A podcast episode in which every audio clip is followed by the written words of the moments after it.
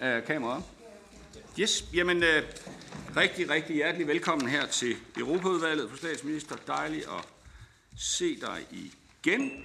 Øh, jeg skal lige starte med at sige, at vi har fået lidt øh, folk med på, øh, på Teams. Øh, vi har øh, Kim Valentin, Tanja Larsson, Karin Lilletop og... Hvad står der? Nå, Helene Brydensholt. Øh, og vi velkommer statsministeren, og der vil forelægge det ekstraordinære møde i det europæiske råd den 1. februar. Ordet er dit fru statsminister. Tak for det, og det vil jeg rigtig gerne. Og det er jo et møde, som skal følge op på det øh, topmøde, der var tilbage i december måned, øh, hvor, og det var selvfølgelig klart det vigtigste, øh, at det lykkedes os at blive enige og træffe beslutning om at åbne optagelsesforhandlinger med Ukraine og Moldova. Et ualmindeligt vigtigt øh, politisk signal selvfølgelig især til ukrainerne på slagmarken, men, men jo til hele den gruppe af lande i nærheden af EU, som ønsker at være med i vores politiske samarbejde. Det er øh, en sejr for os alle sammen. Vi havde jo øh, fra den side, fordi jeg var jo også her i Europaudvalget inden øh, øh, det topmøde, håbet på, at vi samtidig havde kunne lave en aftale om øh, revision af budgettet, EU's budget, det flereårige finansielle, den, eller den flereårige finansielle ramme. Det lykkedes ikke. Men vi er ikke så langt fra, for vi er 26 lande, der er enige, og det var vi allerede i december. Og det, det vi er enige om, er en aftale, der først og fremmest sikrer nye midler til Ukraine, både nu og her, men også i de kommende år. Men 26 lande, der er enige, øh, så mangler der jo et enkelt, øh, og det arbejder alle på nu, øh, at få, få ændret, så vi er 27 lande. Det er derfor, vi mødes i næste uge, og forhåbentligvis kan vi der slå det sidste søm i. Øh, jeg, jeg er rimelig fortrøstningsfuld i forhold til, øh, at det lykkes, og jeg vil også gerne understrege, at det er jo helt afgørende, at ukrainerne ved, at der er økonomi til at fortsætte øh, deres nødvendige forsvar. Øh, vi ved ikke helt endnu, hvordan vi lander. Der er også et par dage til endnu, men som sagt er jeg fortrøstningsfuld. Øh, Ja, øh, det er øh, det, øh, det absolute primært. Det er også det eneste sådan, formelle dagsordenspunkt, der er på, når vi mødes på torsdag. Derudover har jeg selv været med til at tage initiativ til, at vi får spørgsmålet om ammunition på bordet. Og i det hele taget militære donationer, men vinteren den er hård.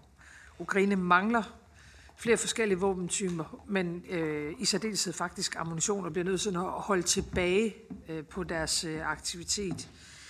Øh, I kan huske her, at vi lavede en aftale i EU for noget tid siden om, at der skulle leveres 1 million øh, enheder ammunition. Øh, det lovede vi tilbage i øh, marts sidste år, øh, og der er altså ikke noget, der tyder på, at vi får leveret den ene million, og det går simpelthen ikke. Jeg gider ikke trække fra. Det går simpelthen ikke. Vi har problemer med produktionskapacitet, men øh, vi er i gang med øh, nogle lande lige nu at se, om ikke vi alligevel øh, kan komme op på i hvert fald den ene million, og det er derfor, jeg sammen med den tyske kansler har taget initiativ til at sætte et, et mere målrettet arbejde i gang, men også at presse på for, at det her kommer på dagsordenen. Øh, og så er det klart, så kommer vi selvfølgelig øh, også til at vende situationen i Mellemøsten. Men, men ellers er det midtvejs spørgsmål omkring budget. Mange tak øh, for det, statsminister. Jeg siger tilføje, at, at øh, i hvert fald, da jeg taler med de andre øh, Europaudvalgsformænd rundt omkring, så er der også sådan lidt en, en snak omkring det her med at aktivere øh, artikel 7 stykke 3, altså og, og, øh, og simpelthen overrule øh, Ungarn, hvis de, hvis de lægger sig øh, hvis de lægger sig skævt i forhold til det her. Om statsministeren har nogen øh, kommentar til, til det, og hvad, hvad, hvad statsministeren selv tænker i den forbindelse. Og så tænker jeg lige, at vi tager Christian Friis Bak med. Også du er online et eller andet sted i Forsvarsministeriet, så vidt jeg husker. Øh, ja, det, det er jeg, og tak for det, og tak til statsministeren. Øh, og godt at høre, det er en, øh, den stærke vilje, der er til at finde en løsning øh, for, for Ukraine. Det, jeg vil spørge om, det er selvfølgelig de drøftelser, der er med Mellemøsten. Forventer statsministeren, at der bliver en drøftelse af udvidelsen af den EU-ledede øh, mission, der er i i Hormuzstrædet, udvidelsen af dens operationsområde og muligheden for faktisk øh, at dermed skabe en stærk defensiv diplomatisk EU-mission øh, i det Røde Hav øh, til at beskytte øh, skibene. Øh, forventes der en, en, en drøftelse af det, jeg ved, forhandlingerne pågår lige nu. Øh, og det andet, jeg vil høre, det er selvfølgelig, om der forventes en drøftelse af den afgørelse, vi får her om få timer øh, fra den internationale domstol, og om der om statsministeren fornemmer nogle reaktioner allerede nu, eller nogle bevægelser i EU-kredsen øh, på, øh, hvordan man skal forholde sig øh, til den øh, afgørelse. Øh, tak for det. Tak skal du have, Christian. Jeg tænker, at vi tager to af gangen. Ja, tak for det. Øh, først i forhold til Ungarn. Vi har jo haft øh, lejlighed til at diskutere det her i Europaudvalget tidligere. Min øh, og regeringsholdning er, er, er klart den, at det er langt, langt bedre at finde pragmatiske og fleksible løsninger med alle EU's 27 lande i den situation, vi står i, end, end at gå til andre mere vidtgående handlinger og redskaber. Og det er, det er fortsat min, min holdning.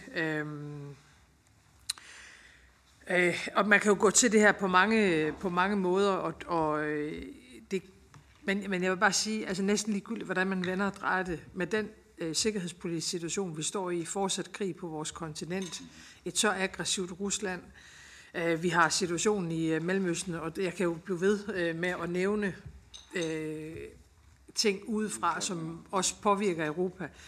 Der mener jeg klart, at det bedste, vi kan gøre, det er at gøre os selv stærkere større og stærkere. Øh, stærkere på at kunne mere selv, øh, ikke mindst på energisikkerhed, på teknologi, på forsvar, øh, og dermed jo også forudsætningerne for den, de næste skridt på den grønne omstilling, og større ved udvidelse. Og det er klart, når man har det grundsynspunkt, så mener man heller ikke, at der er lande, der skal skubbes ud, hverken indirekte eller direkte. Men det kræver selvfølgelig, at vi kan blive ved med at manøvrere Øh, at komme på plads. Og det lykkedes øh, i, øh, i december og på decembermødet, og det forventer jeg også er det, der gør sig gældende på torsdag. Så det er sådan min, min, min mere principielle holdning mm. i forhold til, hvor Europa står netop nu. Øhm, øh, der er ikke meldt øh, til Christian Friis Baksen konkrete emner, der skal diskuteres i forhold til Mellemøsten. Det vil jo være en status, og, og det vil selvfølgelig være en status både på øh, situationen i omkring Israel, øh, i omkring Gaza, Vestbreden, øh, hvad der sker i det Røde Hav, øh, forventer jeg, men, men, men nok ikke øh, så detaljeret som det, du ligger op til. Øh, og så er der vel ikke nogen, der har en forventning om, at der er en decideret afgørelse øh, i dag, men, men vel mere en form for, for status. Øh, om det kommer til at indgå i diskussionen, det ved jeg ikke, og der er ikke, jeg kender ikke indholdet øh, af, af, af det, der bliver sagt senere, så det har jeg ikke mulighed for at kommentere på. Godt, Christian. Jeg ved, du sidder til et uh, møde i Forsvarsministeriet, så i stedet for lige at skrive dig et ny på listen, vil du, vil du have en bemærkning ind her, inden du skal videre? Nej tak, ja, det var, hvad der var, det, det var, kan jeg forstå på statsministeren, hvad der kunne berettes lige nu, men jeg vil bare opfordre til, at man arbejder øh, ihærdigt på at få etableret den EU-ledede defensive diplomatiske mission i det Røde Hav. Det, det synes jeg ville være en rigtig et stærkt signal fra EU, hvis man kunne få etableret det til at beskytte skibene, og det håber jeg, at statsministeren vil presse på. Tak skal du have, Christian, og fortsat god dag til dig. Søren øh, Søndergaard, og derefter Therese Gavinius. Øh, jo, tak. Øh, næstformanden for den socialdemokratiske gruppe i EU-parlamentet øh, udtalt forleden, Øh, tiden løber, ukrainerne kæmper for deres liv, og imens sidder Putins tjener inde ved EU-bordet og blokerer. Øhm, og øh, jeg er selvfølgelig fuldstændig enig med, med statsministeren i, at det er altid bedre at være samlet, end at være splittet. Øh, men øh, det store spørgsmål er, hvilken pris man vil betale for at være samlet. Øh, og der forstår jeg på statsministeren, at det under ingen omstændigheder kommer på tale at renoncere på de 50 milliarder. Altså, det, det kommer bare ikke til at ske. Ukraine skal have det, de er lovet, uanset at det så fører til uenighed i EU-kredsen og eventuelt splittelse i EU-krisen. Øh, det næste spørgsmål er så, hvordan de skal have dem. Øh, og der øh, kan vi jo bare konstatere, at øh, Orbán jo øh, har lært af Erdogan, og nu har overgået Erdogan. Nu er det ikke længere Erdogan, der blokerer for Sveriges optagelse i NATO. Det, det, eller det er ikke Erdogan, der blokerer, det er Orbán. Altså, der sidder en mand ved bordet og blokerer for, at andet EU-land kan komme ind i NATO. Altså, det er næsten så grotesk, som man tror, det er løgn. Og han har så udskudt den endelige beslutning til efter mødet den første, hvor man så kan diskutere forskellige ting og sager. Og derfor må enhver jo sige sig selv, at at udstyre ham med nye blokeringsmuligheder vil være absurd. Vi kan så komme tilbage til at diskutere formandskabet ved en anden lejlighed, det behøver vi ikke diskutere nu. Men der har været rygter om en mulighed, der gik, at man årligt skulle godkende udbetalingerne. Jamen, det er da fuldstændig absurd, at man en gang om året skal sidde og forhandle med Erdogan-klonen og Putin-vennen Orbán om, hvorvidt Ukraine skal have det, man har lovet dem.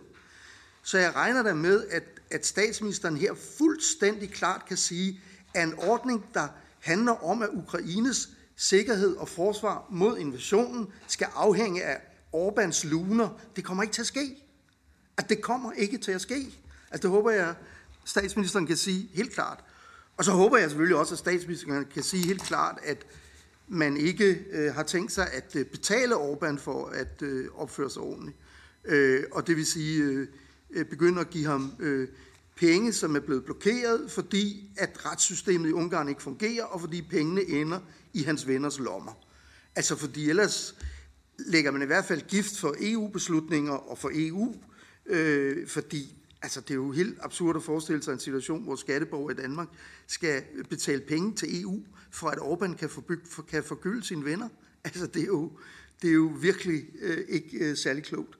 Men altså især det der med den fulde støtte og ingen muligheder for at blokere undervejs i den femårige periode, det øh, løber. Det håber jeg, at, øh, at ministeren kan øh, garantere, at det er den danske forhandlingsposition, og det er derefter, vi vil stemme. Øhm, så vil jeg bare lige i forhold til det der med våben, altså der har jo været nogle rygter om, at det ikke kun er produktionskapacitet, men at det også handler om en strid mellem forskellige EU-lande om, hvem det er, der skal producere. Øh, kan statsministeren øh, sige noget om det? For det vil jo også være dybt uheldigt, øh, hvis, hvis det er den slags overvejelser, der spiller ind. Øh, og så til sidst, altså ja, ja, Mellemøsten vil selvfølgelig komme op, og det store nye, der er sket, ikke fordi det er nogen overraskelse, men det store nye, der er sket, det er jo, at Netanyahu så fuldstændig klart har sagt, at vi skal have øh, Israels kontrol from the river to the sea, øh, og at enhver idé om tostatsløsning eller palæstinensisk overhøjhed over eget territorium bare er væk, ikke eksisterer. Øh, og det forklarer jo også, hvorfor Israel fører krigen på den måde, de gør, med massive ødelæggelser, herunder sprængning af øh, øh, områder og bygninger, som de selv forlader, øh, øh, og har, holdt, øh, har været i op til 70 dage. Dem sprænger de nu i luften, altså for at der ikke skal kunne komme andre og bo der. Altså det forklarer jo selvfølgelig den øh, krigstaktik, som øh, Øh, Øh, Israel har. Men jeg går ud fra, at Netanyahus melding også øh, lige må få et par ord med på vejen i forbindelse med, øh, med mødet. Eller vurderer statsministeren ikke det? Tak. Tak for det, Søren. Og inden statsministerens notesblok heroppe er helt fyldt, så tager vi lige Therese også. Ja, øh, jeg vil bare først stille et spørgsmål omkring, vi har ikke fået noget materiale til det her møde, det er lidt ærgerligt, for vi ikke ved, hvad vi skulle snakke om. Øh, men jeg har bare fire punkter, og det ene er det i forhold til øh, øh, Ungarn netop. Jeg støtter meget, øh, og udenrigsministeren var også inde og snakke om det netop det her med, at det virker som den danske position er, at vi at vi ikke ønsker at ændre på de grundlæggende regler, og det støtter meget om. Det er meget vigtigt, at vi ikke yderligere destabiliserer EU's, trods at vi har de udfordringer. Så det støtter jeg meget op omkring, og netop så inden for de rammer forsøger at finde løsninger. Så er der faktisk Gaza, som også lige er blevet nævnt nu, øhm, som jeg også gerne ønsker, øh, at minister, statsministeren kommenterer på.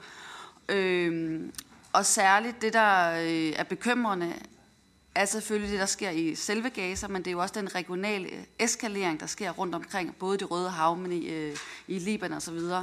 Øh, og der vil jeg bare gerne høre statsministerens vurdering af, øh, hvad er årsagen til den her eskalering? Fordi som jeg forstår det meget af det, det handler det faktisk om Israels aggression og netop deres adfærd i Gaza som en af årsagerne til det. Og det er bare med at høre ministerens vurdering af det. Øh, og så siger ministeren lige nu her, statsministeren lige nu her, at klima, at, at vi fra dansk side skal tage de næste skridt i den grønne omstilling. Så vil jeg bare gerne have statsministeren uddyber, hvad det betyder. Vi er jo i gang med at udvide den fossile produktion, og så er det, men det er jo godt at vide, at der også skal tage skridt i den anden retning, og måske vil ministeren uddybe det. Sidste pointe er, som jeg også håber, at til de her møder, I diskuterer, det er jo den her generelle højredreng, der sker måske til Europaparlamentsvalget allerede, men også generelt i andre øh, lande. Og det kan vi jo være politisk enige eller uenige, men det der jo bare er konsekvensen, der det vil have ret store konsekvenser, måske også for Ukrainepolitikken, måske også for Ruslandspolitikken, og det hele taget sammenholdet i Europa i forhold til den geopolitiske situation. Øh, og det skal man jo tænke ind i den økonomiske politik, som jo er på dagsordenen, der at sige, hvordan sikrer vi os, at der ikke sker den her yderligere udhuling, for eksempel af købekraften, der kan øge øh, populistiske retninger og i det hele taget øh, skabe en, en manglende tillid til det politiske system, både i det nationale, men også i Europa, der gør, at man får en stor øh, ændring i, det, i vælgerhavet, der ønsker en helt anden type af politisk regime, end vi har i øjeblikket.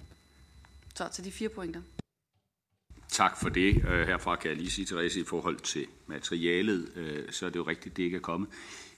Det er nok lige fordi, at, at, at der sådan lige er et langt gap imellem øh, mødet her og så til den, til den 1. februar, så det er simpelthen ikke nået at komme øh, endnu.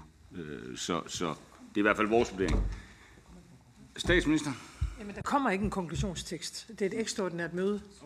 Øh, så der er ikke materiale at fremsende. Der kommer ikke en konklusionstekst. Det er et ekstraordinært møde. Bare i forhold til proceskritikken. Øh, øh, der bliver spurgt til ganske meget, som er helt uden for øh, dagsordenen ja. øh, for næste møde, altså herunder øh, politiske bevægelser i Europa. Det, det synes jeg måske ligger lidt langt væk fra mm. forelæggelsen af et øh, ekstraordinært møde. Mm. Øh, men tilbage til, til mødet. Altså for det første øh, kan jeg i forhold til Søren Søndergaards spørgsmål sige meget klart, at vi har stået entydigt, og det gør vi fortsat, på fuld støtte til Ukraine. Og lige nu går det jo i virkeligheden på de to ben, altså den finansielle ramme og udvidelsen tilbage i december. Øh, og jeg har ikke på noget tidspunkt ønsket et kompromis om nogen af de to. Så det kan jeg bekræfte, øh, og det er fortsat vores øh, position. Vil det være en god idé at udstyre nogen med en årlig vetoret? Nej. Kan vi, kan, vi, kan vi se, at man kan lave et spor, hvor man vender tilbage og diskuterer det på et årligt basis? Ja, det kan man godt fordi behovene kan også ændre sig, men jeg synes, der er meget stor forskel på, at man har en årlig opfølgning eller en årlig diskussion, og så en vetoret. Så det håber jeg at svare øh, det. Og så på det sådan tilbagevendende spørgsmål omkring øh, økonomi og Orbán, det diskuterer vi jo, øh, det diskuterer vi jo også sidst. Der er noget, der kører øh, i kommissionen, og så er der noget, der kører øh, mere øh, politisk, øh, gået fra det sådan, sidst nævnte, der spørges, eller sidst, øh, der, der spørges til her, der, som de, tingene ligger nu, ser vi ikke nogen anledning til at ændre øh, udbetalingerne. Øhm, øh, og det vil jo kræve, at der sker nogle fremskridt af dem, som, som, er, blevet, øh, som er blevet efterspurgt. Øh, og så er det øh, jo helt rigtigt, at Netanyahu har formuleret sig endda meget tydelig i forhold til tostatsløsningen. Her har vi jo så en uenighed med den israelske øh, regering. Øh, det ændrer ikke på øh, regeringens grundlæggende holdning, at Israel har øh, ret til at forsvare sig selv øh, og men det er meget svære vilkår at forsvare sig selv på. Øh, og det i øvrigt skal ske inden for international lov, så der er sådan set ikke noget ændret der. Men, men der er en uenighed med den israelske regering omkring en tostatsløsning.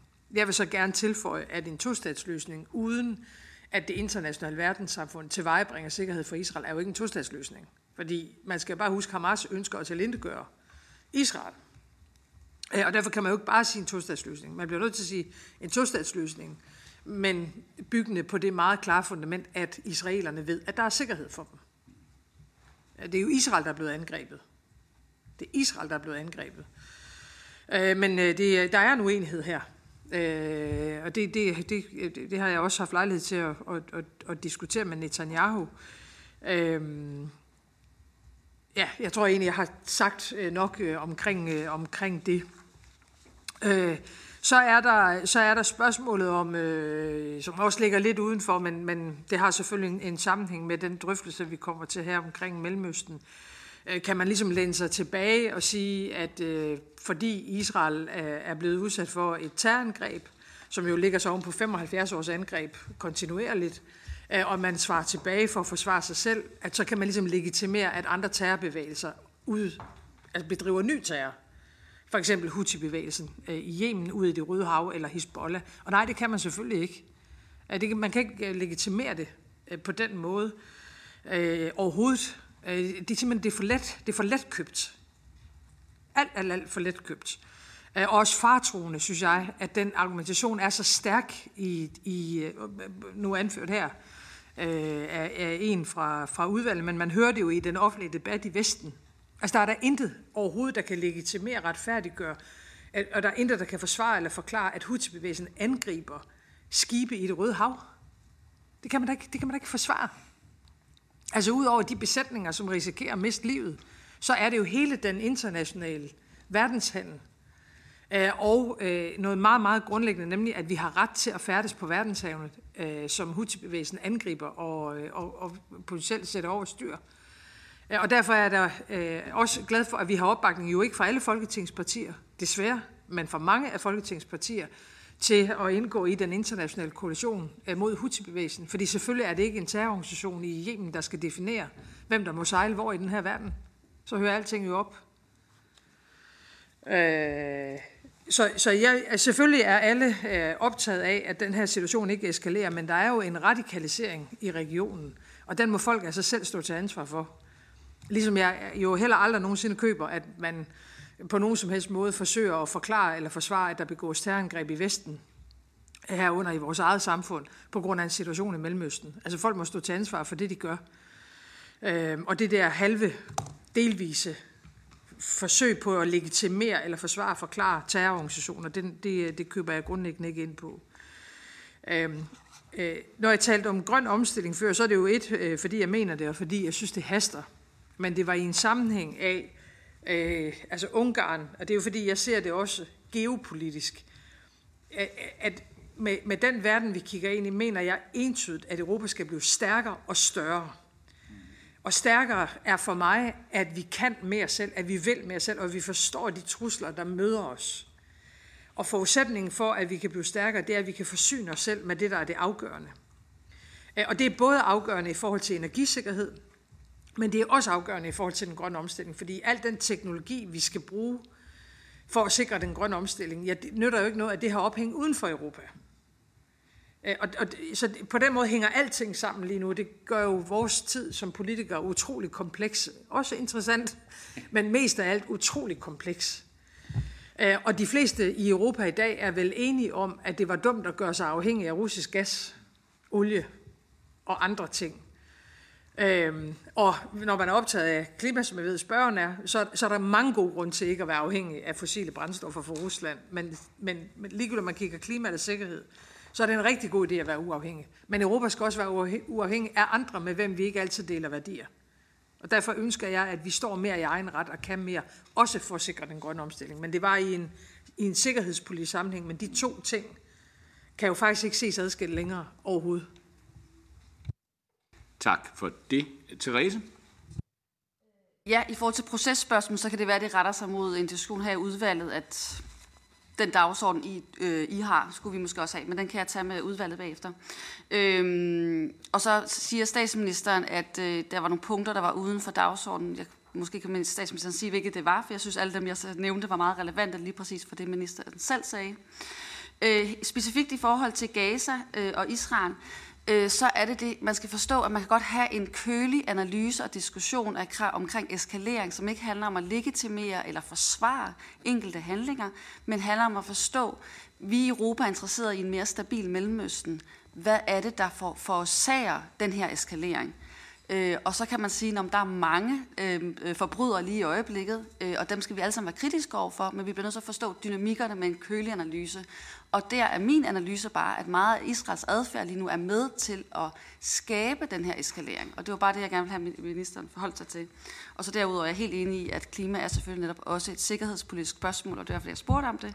Og så den sidste note var måske bare det her med, hvad hvis der sker en politisk ændring i Europa i forhold til en højredreng? Det betyder, at det vil være en anden Ukrainepolitik og en anden Ruslandspolitik. Hvordan kan det underminere hele taget den geopolitiske situation i Europa?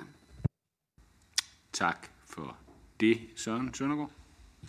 Ja, altså jeg, jeg skal undlade at gå ind i en diskussion om Israel-Palæstina-konflikten her. Øh, mit eneste ærne var sådan set at høre om den nye ting, der er sket siden sidst, man havde rådsmøde, nemlig Netanyahu's meget, meget klare melding om, at han afviser FN's løsning, han afviser USA's løsning, han afviser EU's løsning, han vil have et israelsk kontrol from the river to the sea, og man ville gøre opmærksom på, at det var man ikke enig i. Og det svarede statsministeren bekræftende på, så det, det er jeg meget glad for. Øh, ligesom jeg også er glad for, for svaret på spørgsmålet om, om øh, støtten til Ukraine. Der var et, et spørgsmål, jeg ikke fik svar på, og det er det der med, om der bag problemerne med at leve op til den klokkeklare, det klokkeklare løfte, man har givet til Ukraine om våben, om der bag det ikke bare ligger produktionskapacitetsvanskeligheder, men også ligger en kamp mellem forskellige øh, lande øh, i EU om at være dem, der, øh, der, der leverer. Tak. Tak for det. Så øh, ja, statsminister. Man kan vel sige det på den måde, at der måske stadig er noget gammel strøm i ledningerne i Europa, ikke? At vi øh, en gang imellem kommer til at tænke nationalt, øh, hvad der, der kan være legitimt og god grund til, men i den situation, vi er, især hvad angår Ukraine, der bør man løsrive sig helt fra det. Øh, og og øh, jeg tror, det er rigtigt, at der øh, rundt omkring i EU er diskussion om, hvordan man sikrer, at noget af den produktion, der er, at den ligger i eget land. Øh, personligt er jeg ikke så optaget af det. Altså, øh, jeg, øh, jeg synes i virkeligheden, at vi vil vinde utrolig meget ved at se den europæiske våbenproduktion som en europæisk våbenproduktion. Og jeg er faktisk ligeglad, hvor den finder sted. Bare den finder sted. Altså, at vi får kapaciteten op. Og det forsøger vi jo selv på, som I ved, med det vi kan i Danmark. Øhm, og, og understøtter jo også meget gerne, at andre øh, kommer til det. Men, men for mig er det afgørende, at Europa at vi har de våben, vi skal bruge til vores eget forsvar, udbygning af østlig flanke, vores internationale engagement og ikke mindst donationerne ind i Ukraine. Hvor de så produceres, er jeg personligt mindre optaget af. Jeg har givet givet et andet svar for 15 år siden. Men som verden den udvikler sig, så bliver vi også nødt til det som, øh, som europæere. Det håber jeg er svar nok. Så er det jo meget svært at spå om udfaldet af et, øh, et Europaparlamentsvalg, fordi det er jo reelt det, der spørges til. Øh, og det er jo helt rigtigt, at øh, når, når regeringer ændrer karakter, så kan dynamikken i det europæiske råd også ændre karakter. Øh, Donald Tusk kommer med en anden tilgang end sin forgænger øh, på vegne af Polen, øh, og det betyder selvfølgelig meget, at Polen er et stort medlemsland øh, i EU, og både sikkerhedspolitisk, hvor jeg synes også, at den tidligere regering spillede en meget, meget, meget positiv rolle i forhold til Ukraine. Det er vel det land, der har modtaget flest flygtninge, blandt andet. Øh, Øh, så, så betyder øh, Polens tilgang til den grønne omstilling rigtig meget for os alle sammen. Ikke fordi landet er så stort og potentielt kan øh, rigtig meget. Så det er rigtigt, regeringer kan ændre dynamik, og det kan Europaparlamentet jo også. Øh, og der er en diskussion i Europa om, at, at et, der kan komme flere pro-russiske Europaparlamentsmedlemmer. Hvad vil det sætte sig i forhold til støtten til Ukraine? Det forventer jeg ikke har nogen indflydelse ind på rådet, fordi der er min oplevelse, at vi er jo ikke en til en enige, men vi, de fleste af os er i den samme analyse øh, og, og med det samme ønske. Jeg tror, det område, og det er jo noget, der optager spørgeren, hvor det kan komme til at have nogle øh, potentielle negative konsekvenser, det er jo blandt andet på den grønne omstilling og på klimaet. Øh, hvor øh, der, er, øh, der er jo europæiske partier, der synes, at øh, vi ikke behøver at gå så hurtigt frem, som nogen af os gerne vil. Øh, og der er det klart, at øh, der kan parlamentet jo simpelthen komme til at forsinke de nødvendige skridt fremad på den grønne omstilling, og det vil være ulykkeligt af mange årsager, men selvfølgelig først og fremmest af hensyn til, øh, til klimaet. Men øh, jeg tror, det er, det er nok bedre at diskutere udfaldet af Europaparlamentet, når vi, når, når, vi, øh, når vi kender det. Og så er det nok ikke nogen hemmelighed af min egen overbevisning, er, at når der når der sker et vælgerskred i den retning i mange lande, øh, så er det jo øh, ofte på grund af migration, øh, og at der ikke er styr på udlændingepolitikken. Øh, så øh, af mange årsager synes jeg jo også, at, øh, at man skal have styr på den. Godt jeg skal undlade at kommentere på det kommende Europaparlament. Uden at, uden, at, uden, at, uden at nævne andet end, at, at jeg her er enig med statsministeren. Jeg vil gerne sige tusind tak til statsministeren for dit besøg i dag. Det har været en fornøjelse. Jeg har ikke flere spørger og vil ønske statsministeren en fremragende weekend. Må, må jeg bare lige tilføje en ting? Altså, ja. Øh, hvis vi nu indgår en aftale, hvad vi håber på økonomien, så kommer der jo givet noget tekst på mødet, men, men, men, men der er altså ikke nogen, der er ikke noget grundlag for at fremsende det nu, fordi det, ikke, det findes ikke. Alt godt. Nå, det er jo sådan en... Øh